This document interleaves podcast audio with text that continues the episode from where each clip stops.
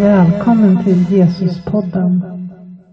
Hej och välkommen till Jesuspodden. Jag lyssnade häromdagen på en predikan av Thomas Sjödin. Han nämnde i förbifarten hur Peter Halldorf hade gjort med vad han kallar för himmel och jord ska brinna teologi. Utan att nu kunna hävda att jag till fullo förstår hur han tänker så anar jag här ett problem som jag tycker är extra tydligt i vår individualistiska tid. Fredrik Lindström, han pratade i sitt vinterprataprogram om hur individualismen nu har blivit den stora religionen i vår tid. Jag tycker att hans analys av nutidsmänniskan har väldigt många poänger. När individualismen sätter människan i centrum så blir hon allting smått. Och ironiskt nog så gör vi då samma kardinalfel som etablissemanget gjorde. Alltså vetenskapen, kyrkan och makten gjorde. När Copernicus hävdade att jorden inte var universums centrum. Copernicus stred mot den vedertagna uppfattningen som då var grundad på vad Aristoteles och Ptolemaios hävdade under antiken.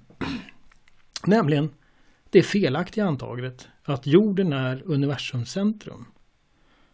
Och det gjorde i sin tur att planeternas rörelser var väldigt svåra att förklara. På samma sätt är det ju nu svårt för oss att få ihop det. När vi utgår från att vi själva är centrum för allt.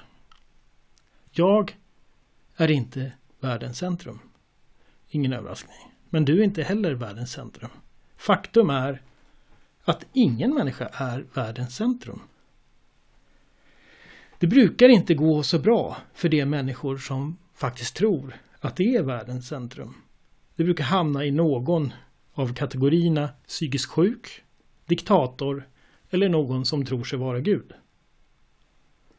Och genom historien så har vi ett antal exempel som faktiskt kombinerar flera av de här kategorierna. En som lyckades kombinera alla tre, det var Nebukadnessar i Babylonien. Men andra exempel är Julius Caesar och eh, i princip samtliga japanska kejsare fram till år 1945. Då amerikanerna tvingade kejsaren att avsäga sig sin gudomlighet i radio.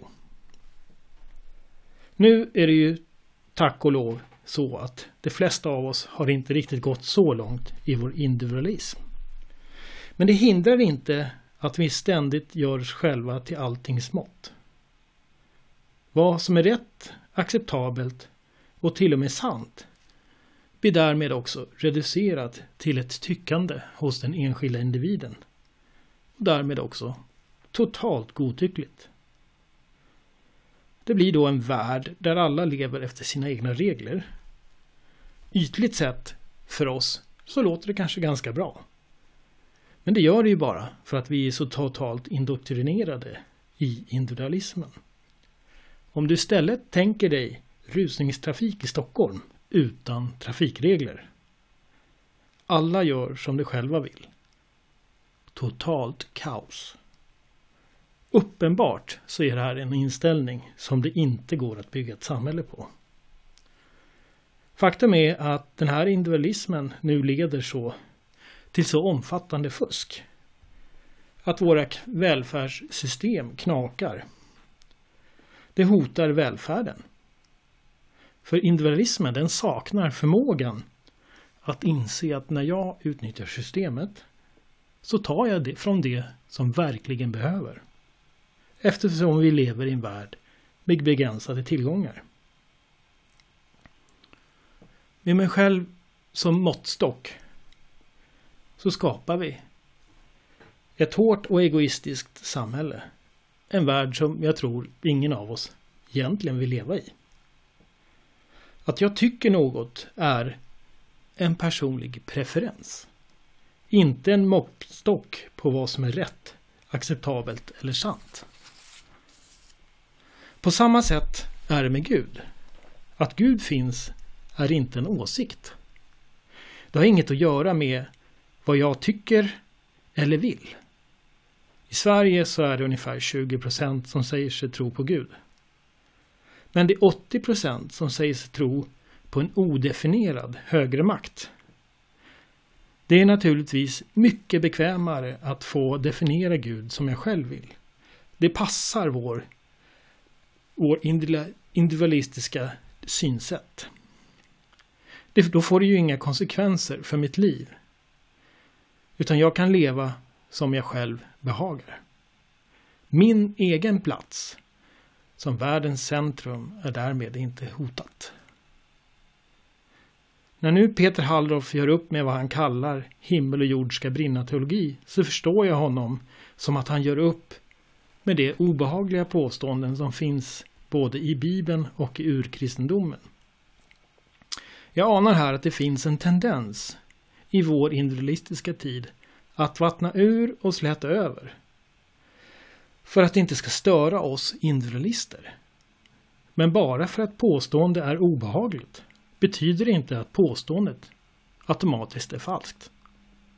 Om du tittar omkring kan du säkert se, om du ska vara ärlig, en massa obehagligheter.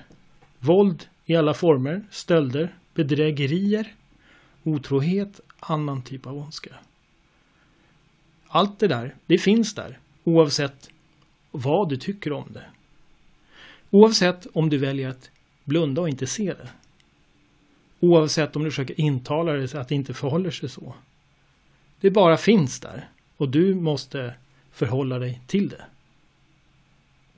Jesus kom till en förlorad värld. Genom sin död och uppståndelse skapade han förutsättningar för en upprättelse mellan Gud och människa. Jesus är därför den enda vägen till Gud. Det är den obehagliga sanningen som vi alla måste förhålla oss till. Det kommer att fortsätta att gå ut för världen.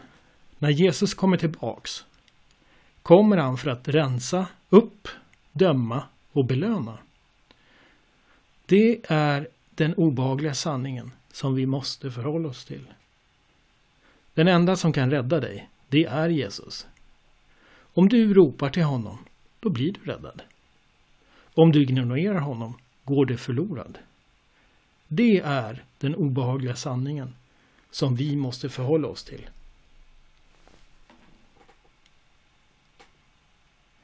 Till slut, när människans uppror mot Gud når en gräns, då kommer himmel och jord att brinna.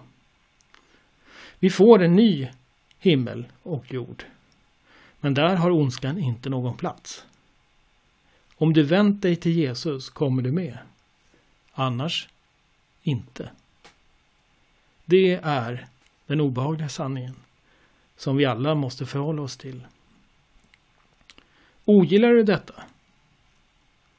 Ja, det du tycker, det har ingen betydelse. För det kommer inträffa oavsett.